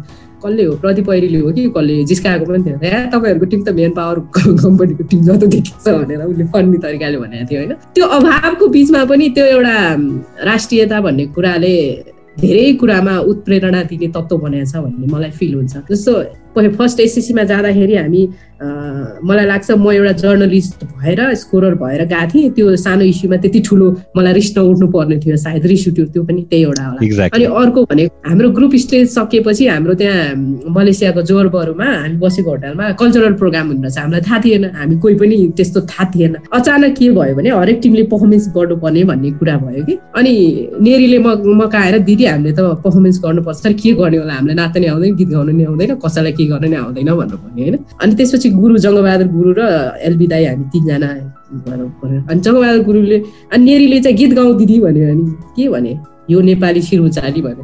अलिक स्लो बिटको छ नेरी भने मैले होइन। के गाउने त भनेर नेरी चाहिँ त्यही यही गीत गाउनुपर्छ भन्दै थियो अनि पछि अनि रातो र चन्द्र सूर्य गाउँ भयो होइन। अनि त्यसपछि सबैले रातो र चन्द्र सूर्य भने नेरीले त्यसै गरेको थियो। पछि उसले ल ठिकै छ भने। अनि बजाउने कसले के त अब कोही छैन। बेजत हुने भयो हाम्रो देशको त हामीले पर्फर्मेन्स नगरेपछि भने। अनि एलबी सरले के भन्नु भने मलाई मादल तपाईँलाई बजाउन आउँछ। एउटा टेबल सेट गर्छु म अनि टेबल बजाउँछु भन्नुभयो अनि त्यसपछि जगबहादुर गुरुले बाँसुरी बजाउनुहुन्छ भने हामीलाई पहिल्यै थाहा थियो होइन? बेला बेला पनि बसिरहनुहुन्थ्यो अनि हामीले आर्ट गऱ्यौँ। हामीले पर्फर्मेन्स गर्न गयौँ होइन? स्टेजमा प्र्याक्टिस पनि गऱ्यौँ। त्यहाँमध्ये मलेसियाको त्यो त्यत्रो टिमहरूमा सबैभन्दा एप्रिसिएट गरेको पर्फर्मेन्स हाम्रो थियो। हामीले पुरै गाउँछ गीत नेपाली के अरे रातो र चन्द्र सूर्य गायौँ मलाई त्यतिखेर इन्करेजमेन्ट किन भयो भने म त्यतिखेर थ्री इयर्सको क्लासिकल भोकल सकाइसकेको थिएँ मैले साधनामा होइन? अनि मलाई कन्फिडेन्स थियो लिड गर्न सक्छु भनेर। अनि म लिड गर्छु तिमीहरू कोरस हाल यो यो गीत गाउने भनेर। हामीले भन्यौँ कि? अनि एलबी दाईले मजाले ट्युनिङ मिलाएर मजाले बजाउनु भयो। अनि बस के अरे जङ्ग बहादुर दाईको बाँसुरी एकदमै ऊ भइहाल्यो त्यो माहौलमा होइन? हामीलाई पछि उहाँहरूले सबैजनाले एसिसीको मेम्बरहरूदेखि लिएर अरू पार्टिसिपेन्ट कन्ट्रीहरूले पनि धेरै एप्रिसिएट गर्नुभएको थियो। अनि पछि मलाई त्यो रातो र चन्द्र सूर्य गएको बिर्सिसकेका पनि थिएँ होला मैले सायद होइन? अनि पछि जब हामी नेसनल क्रिकेट क्रिकेटको एउटा भनौँ न नेसनल एन्थम जस्तै बनेर आयो नि त्यो गीत। अनि कहिले काहीँ लाग्थ्यो कि ओके यो गीत यस्तो हुनुपर्ने रहेछ र हामीलाई त्यतिखेर त्यो गीत आयो। हामीले त्यो त्यत्रो स्टेजमा चाहिँ हामीले प्राउडली त्यो गीत गायौँ होइन? अनि खुसी लाग्थ्यो कि त्यो गीतलाई त्यो स्मरणसँग म लिङ्क गरिरहेको थिएँ जतिखेर पनि। अनि अरू अरू कन्ट्रीको कम्बिनेसनहरू टिम कम्बिनेसन कहाँ कहाँबाट जोइन भएर आइरहेका टिमहरू हुन्थे खेलाडीहरू हुन्थे होइन? त्योमा हाम्रो टिम मात्रै यस्तो हुन्थ्यो कि धेरै खेलाडी लगभग हन्ड्रेड पर्सेन्ट चाहिँ हाम्रो नेपालकै ओरिजिनको खेलाडीहरू हुन्थ्यो। त्यो प्राउड हुन्छ नि प्राउडनेसको कुरा भयो। अनि त्यसले छुट्टै बाँध्थ्यो हामीलाई। अनि महिला क्रिकेटमा पनि कहीँ न कहीँ त्यो कुराले एकदमै ठुलो भूमिका खेल्थ्यो। अनि हामी बङ्गलादेशसँग फाइनल खेल्नु अगाडि नै हामीलाई थाहा थियो हामी र बङ्गलादेशको छैन स्तर मिल्दैन भनेर। तर हामी कम्पिटिसन दिन्छौँ भन्ने एउटा टार्गेटमा थियौँ। तर अनफर्चुनेटली पानी परेर पनि धेरै त्यो म्याच मिसम्याच भयो फाइनल होइन? तर पानी पर्दा पनि हामी त्यो फाइनल पुग्दा पनि एक खालको महिला क्रिकेटमा पहिलोचोटि गएको हामी फाइनलसम्म पुग्यौँ। अनि अगाडिका म्याच यति बिजोग थियो हेर्नु। फर्स्ट म्याचमा त मलाई लाग्छ हामी नेपालसँग फाइ थाइल्यान्डसँग हामीले म्याच खेल्दाखेरि जङ्ग गुरु र मेरो काम हुन्थ्यो कि ग्राउन्डपट्टि हेरेर चाहिँ खेलाडीलाई निर्देशन दियो भने गाली गरिहाल्छ त्यो नियमको विपरीत हुन्थ्यो। अनि पछाडि घुम्न जस्तो गरेर हात पछाडि लगाउने अनि बााउन्ड्रीको बाहिर बाहिर हेर्ने अनि नेरी यो साइडमा है यहाँनिर उभिने भनेर यसरी त्यो हुन्छ नि। अनि त्यो खेलाडीहरूलाई गाइड गर्ने क्या केसरी तिमी यहाँनिर जानुपर्छ भन्नु त्यो अनि उहाँ गइरह्यो भने फेरि हेर्छ भनेर अनि पवित्र तिमी जाऊ त अब अर्कोपल्ट भनेर हामी त्यसरी त्यो बाहिरबाट पनि कोच गरिदिउँ कि। त्यसरी समेत त्यसरी लगेको बहिनीहरूले अनि फाइनलसम्म पुग्दा हामीलाई त्यतिकै प्राउड मुभमेन्ट भएको थियो। बङ्गलादेशको खेलाडीले नि हामीलाई एकदम रेस्पेक्ट गर्नुभएको थियो कि त्यो भर्खर आएको खेलाडीहरूले यस्तो गर्यो भनेर। अनि हामी पानी परेको बिचमा जति म्याच रोक्यो त्यतिखेर बङ्गलादेशको टिम र नेपालको टिमले अन्ताक्षरी गरेर बसेको थियौँ कि हामी। अनि त्यो कुरा एसिसीमा पनि हाइली हाइलाइटेड भएर त्यतिखेर सारियार खानले न्युजै लेख्नु भएको थियो कि। त्यो माहौलको त्यो फ्रेन्डली इन्भाइरोमेन्टको यो अनि उहाँ खेलाडीले गर्दा हामी पत्रकारहरूलाई नि काहीँ न काहीँ चाहिँ त्यो राष्ट्रियताले अलिकति उ गरेको जस्तो मलाई फिल हुन्छ कि। कहिलेकाहीँ बिर्सिन्छौँ हामी पत्रकार हौ भनेर। त्यो टु थाउजन्ड फोर्टिनको टी ट्वेन्टी वर्ल्ड कपमा जाँदाखेरि पनि हामी अब म त जान्छु भनेर ग्यारेन्टी गरेको थिएँ अन्नपूर्ण पोस्टमा काम गर्दा। मलाई पठाएन भने म पर्सनल खर्चले नि यो पाला त जान्छु जान्छु भनेर एक्रिटेसनमा मैले त्यसै गरी हालेको थिएँ। पठाएँ। अनि हाम्रो सटगाउँमा म्याच हुँदाखेरि लिफ्टमा म खाना खान लन्च ब्रेकमा जाँदाखेरि सञ्जय माजरेकर र कपिल देवसँग परेको थिएँ कि अनि अब म कपिलको त हाइट देखेर मेरो सातो उडिहाल्यो होइन। अनि उहाँसँग कुरा गर्ने आँट भएन। अनि मैले सञ्जय माजरेकरसँग फर्स्ट म्याच केही दौरानमा मैले रिक्वेस्ट गरेँ उहाँसँग तपाईँसँग मलाई नेपाली क्रिकेटको बारेमा वा क्रिकेटको बारेमा कुरा गर्नु मन छ म यस्तो जर्नलिस्ट हो भनेर भन्दा उहाँले भाउ दिनु भएन क्या मलाई त्यतिखेर। स्वाभाविकै थियो म सानो कन्ट्रीबाट गएको भर्खर टी ट्वेन्टी खेलेँ अनि नेपालको क्रिकेटको बारेमा त बङ्गलादेशमा त्यतिखेर पनि पारसले पनि सेयर गरेको थियो कि कसरी ट्रिटमेन्ट हुन्थ्यो बल्ल पर्फर्मेन्स पछि एउटा आदर जन्मियो त्यहाँ पनि रेस्पेक्टिभ ल भयो भनेर होइन। पछि नेपालले पर्फर्मेन्स राम्रो गर्दै गयो ग्रुप स्टेजमा पर्फर्मेन्स राम्रो गरेपछि अनि माझिकरले मैले ट्विटरमा उहाँलाई फलो गर्थेँ। अनि उहाँले मलाई फलो ब्याक गरेर अनि मेसेज गर्नुभएछ कि? अनि तपाईँ मैले तपाईँलाई लिफमा भेटेको थिएँ। मलाई जहाँसम्म याद छ तपाईँले मलाई यस्तो भन्नुभएको थियो। यदि तपाईँ मसँग इन्टरभ्यू लिन चाहनुहुन्छ भने म यहाँ छु आउँदा हुन्छ भने। मलाई यति रिस उठ्यो कि पहिला पहिला हाम्रो नेपालको टिमलाई नगर्ने। होइन? अब मलाई इन्टरभ्यू लिन आएछ भने जान्न भनेर म गइनँ कि। अनि मलाई अहिले पनि त्यो म्यासेज हेऱ्यो भने घरिघरि के बुद्धि होला? गएको भए त एउटा राम्रो स्टोरी बनिहाल्थ्यो नि। त्यो त्यो त्यो खालको हुन्छ। स्पोर्ट्सले हाम्रो इगो एकदम निकाल्छ नि होइन? यो खास गरी यो कुरा मैले धेरैचोटि नोटिस गरेको छु। टियु क्रिकेट ग्राउन्डमै जुन प्रेस बक्स हुन्छ प्रेस बक्सबाट खेलाडीलाई इन्स्ट्रक्सन गएर हुन्छ यता हान यता हान। तालीसम्म त ठिक हो होइन? मलाई राम्रै कुरा लाग्छ ताली भनेको अप्रिसिएसन हो। तपाईँलाई याद छ कि छैन? प्राय प्रेस बक्स भनेको काउ कर्नरतिरै हुन्छ। होइन? त्यहाँबाट नेपाली खेलाडी नेपाली बलरले बलिङ गरेपछि प्याडमा लाग्यो भने सबैभन्दा ठुलो अपिल प्रेस बक्सबाट हुन्छ त्यहाँबाट एलबिडब्लु कसरी डिसाइड गर्छन् मैले अहिलेसम्म बुझ्न सकेको छैन। त्यो एङ्गलबाट एलबिडब्लु दिन मिल्छ मिल्दैन मेरो क्रिकेट ज्ञान कमी होला होइन? तर सबैभन्दा ठुलो अपिल त्यहाँबाट हुन्छ। हामी त्यति बेला क्रिकेटर या क्रिकेट पत्रकार हुँदैनौँ त्यति बेला हामी नेपाली सपोर्टर हुन्छौँ कि। इन्टरनेसनल क्रिकेटरहरूमा कोही छ? साह्रै मन कुमार कारण? इन्डिभिजुअल पनि क्रिकेटर पनि। अनि अहिले केन विलियन्सन अब केन विलियन्सन चाहिँ मलाई एकदमै अमेजिङ प्लेयर लाग्छ। जुन जुनमा पनि आफूले आफूलाई अब्बल साबित गर्न सक्ने जस्तो। फिल हुन्छ। अनि स्पेसली साङ्गाकारा मन पर्नु त टेक्निकली इज भेरी साउन्ड अनि ऊ इन्डिभिजुअल पनि मलाई इन्डिभिजुअल पनि क्यारेक्टर एउटा हुन्छ नि देखिने त्योमा पनि मलाई एकदमै मनपर्ने क्रिकेटर हो साङ्गाकारा अनि खेलेको सबै कुरा भनौँ न सर्ट्सहरू पनि आनन्दले हेर्नु मन लाग्ने उहाँको साङ्गाकाराको अनि मलाई टिम चाहिँ मलाई एसियन टिम साउथ एसियन टिमहरू त्यति मन पर्दैन। मेरो आफ्नो लजिक चाहिँ के छ भने म स्कोररको उबाट इन्ट्री गरे भएर हो कि मलाई क्रिकेट क्रिकेट टिमहरू चाहिँ न्युजिल्यान्ड अस्ट्रेलिया इङ्ल्यान्डतिरकै मनपर्छ यिनीहरू बिच खेलेको मनपर्छ किनभने त्यसमा क्राउड बढी हुँदैन क्या। हल्ला बढी हुँदैन। हो हल्ला हुँदैन। शान्तसँग हेर्न मनपर्छ कि मलाई क्रिकेट अनि त्यो पहिल्यैदेखि स्कोरिङमा डट मलाई स्कोरिङ गर्दा नि त्यो आइसिसी इन्टर कन्टिनेन्टल कपमा मजा आउँथ्यो। किनभने त्यो थ्री डेज टुर्नामेन्ट हुन्थ्यो।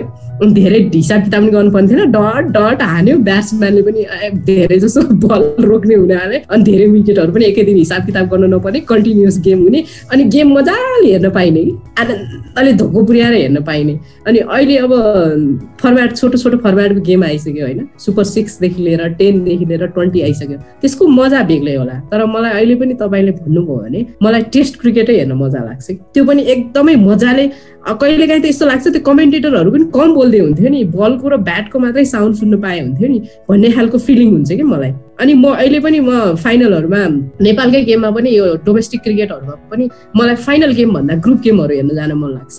किनभने ग्रुप गेममा क्राउड कम हुन्छ अनि आनन्दले हेर्न पाइन्छ। फाइनल चाहिँ बढी क्राउडी हुन्छ कि अनि त्यसले गर्दाखेरि क्रिकेटको असली गेमको असली मजा भन्दा नि बाहिरको सिनारियोजहरूले चाहिँ आफूलाई उ गरेर हुन्छ अनि म भन्छु फाइनल त हेर्न आउँदिनँ फाइनल हेर्न आउने भने ट्रफी हेर्न आउने हो। गेम हेर्नलाई चाहिँ अगाडिको गेमहरू छानेर हेर्न पाए राम्रो हुन्थ्यो। त्यो भ्याइँदैन भन्ने खालको। मैले अस्ति भर्खर आरिफ सेक्सनी कुरा गरेको थिएँ यही विषयमा ऊ इन्जर्ड भएपछि। अनि टी ट्वेन्टी वर्ल्ड कपमा अनि हामी यो ट्विटर सोसियल मिडियामा अलिकति एक्टिभ हुने मान्छे अब क्रिकेट हेर्न आउँदैछौँ भनिसकेपछि बङ्गलादेशको हेल्थ यो नर्स डक्टरहरू मेडिकल स्टुडेन्टहरूले अनि मलाई ट्विटरमा जर्सी ल्याइदिनु है भनेको थियो कि। अनि नेपालको जर्सी त पाइँदैन नि। त्यतिखेर दिपक विष्टको सेन्टर स्पोर्ट्स सेन्टर बानेश्वरमा जर्सी उसले जिम्मेवारी ल्याएको थियो। अनि मैले त्यहाँ बेला कतिवटा बिस बाइसवटा जर्सी लगाएको थिएँ होला। अनि हामी ट्रेनिङ ग्राउन्डमा गएर हाम्रो के हाम्रो क्रिकेटरहरूको ट्रेनिङको भिडियो फोटो खिच्ने बेलुका फर्किने अब बङ्गलादेशको ढाकाको जाम। अनि हामी उहाँहरूसँग उहाँले फोन नम्बर त्यहाँको लोकल लिनुभएको थियो मेरो होटलमा आएर कुरेर बसिरहनु भएको थियो कि अनि हामी चाहिँ एकदमै टा टाइम लागेको थियो हामीलाई आधा घन्टाको बाटोमा दुई तिन घन्टै कति लागेको थियो कुनै। त्यतिखेर उहाँहरू त्यति रातिसम्म कुरेर बस्नुभएको थियो कि जर्सी लिनलाई। अनि मैले भने जानुहोस् तपाईँहरू भोलि बिहान लिन आउँछु होइन भोलि भरे बेलुका अर्को ल्याएर लिएर गयो भने त हामीले जर्सी पाउँदैनौँ हामी नेपालको उ गर्नलाई भनेर भने होइन। अनि त्यसपछि जर्सी पुगेन। अनि जर्सी नपुगेपछि पछि निरञ्जन बोसहरू पछाडि आउनुहुन्थ्यो। उहाँहरूलाई मैले दिपकलाई भनेकै थिएँ जर्सी पुगेन भने मगाउनु पर्छ भनेर भनेको थिएँ। त्यो मागेको हिसाबले मलाई पुग्दैन जस्तो लागेको थियो कि। अनि फेरि बस अनि उहाँहरूले सुर्केसमा जर्सी हालेर लगिदिनु भयो पछि हामीले पुगेसम्म ढाकाको त्यो त्यहीँ बेच्यौँ उहाँहरूलाई। जति पैसा थियो त्यति एक्ज्याक्टली बेचेर ल्याएर पैसा बुझायो होइन। अनि पछि उहाँहरूले जुन जर्सी लगाएर हुटिङहरू गर्नुहुन्थ्यो नि मलाई एकदम प्राउड फिल हुन्थ्यो क्या। एटलिस्ट हामीले यति व्यवस्था गर्न सक्यौँ भनेर। त्यो कति भूमिका गरियो गरियो कि क्रिकेटमा। त्यो अचम्मको छ कि क्रिकेटको जर्नी। अरू अरूले चाहिँ सायद पत्रकार मात्रै भएको भए सायद चर्चित खेलाडीको नजिक रहन्थे होला मात्रै होइन। तर मसँग मेरो चाहिँ सम्बन्ध यति भयो कि घरेलु क्रिकेटकोदेखि लिएर अन्तर इन्ट त्यतिखेर त इन्टर स्कुल क्रिकेट पनि हुन्थ्यो नि त। त्यतिखेर बेलादेखिको लिएर त्यो रिजनल खेल्नेदेखि लिएर अब रिजनलमा पनि टिमहरू लिएर नेपालभित्र महिला टिमहरू लिएर गयो होइन। त्यो रिजन रिजनको पनि छुट्टै त्यो एक्सपिरियन्सेसहरू भयो कि मसँग। अनि त्यसले गर्दाखेरि काठमाडौँ छोडेर चाहे पोखरा जाउँ चाहे भैरवा नेपालगञ्ज विराटनगर जहाँ गए पनि जुन काममा गए पनि कहीँ न कतै कतै न कतै क्रिकेटको माहौल बनिहाल्छ कि। त्यो चाहिँ एउटा छुट्टै भेटघाट गर्ने होस् होइन। जेसुकै होस् बनिहाल्छ। अनि त्यो चाहिँ एउटा त्यो कन्ट्रिब्युसन त्यो त्यो खालको एक्सपिरियन्स अनुभव चाहिँ अलिकति एउटा त्यो तुलनै गर्न नसक्ने छ क्या। जस्तो एकचोटि वीरगञ्ज गएको थिएँ मुद्दाको केसका केसको सिलसिलामा लड्नु भनेर गएको थिएँ अनि बिहान के नपाएर चिया खान खोज्दै हिँड्दै थिएँ वीरगञ्जमा अनि अविनाश कर्णलाई ठ्याक्क देखेँ कि। अनि हिँड्दै आइरहेको छ अविना अविनाश कर्ण त्यतिखेर ऊ इन्जोर्ड भएर गेम छोडिसकेको थियो अनि अनि मैले झट्ट बोलाएँ क्या अविनाश भने। अनि अविनाशले के हो दिदी कहाँ जहाँ पनि झुल्किनुहुन्छ फेरि अगाडि आइपुगिहाल्नु हो त। भन्यो के उसले। त्यो त्यो खालको त्यो छुट्टै त सायदै कसैले अनुभव गर्छ। अनि त्यो आफूलाई लाग्छ त्यो एउटा सम्पत्ति हो भन्ने फिल हुन्छ कि सबैभन्दा खुसी खुसी हुने सम्पत्ति हुन्छ नि। मेरो यो प्रश्नको जवाफै आइहाल्यो। क्रिकेटले के दिएको छ भन्ने कुरा। मेरो त ह्याप्पिनेसै हो। एकदमै।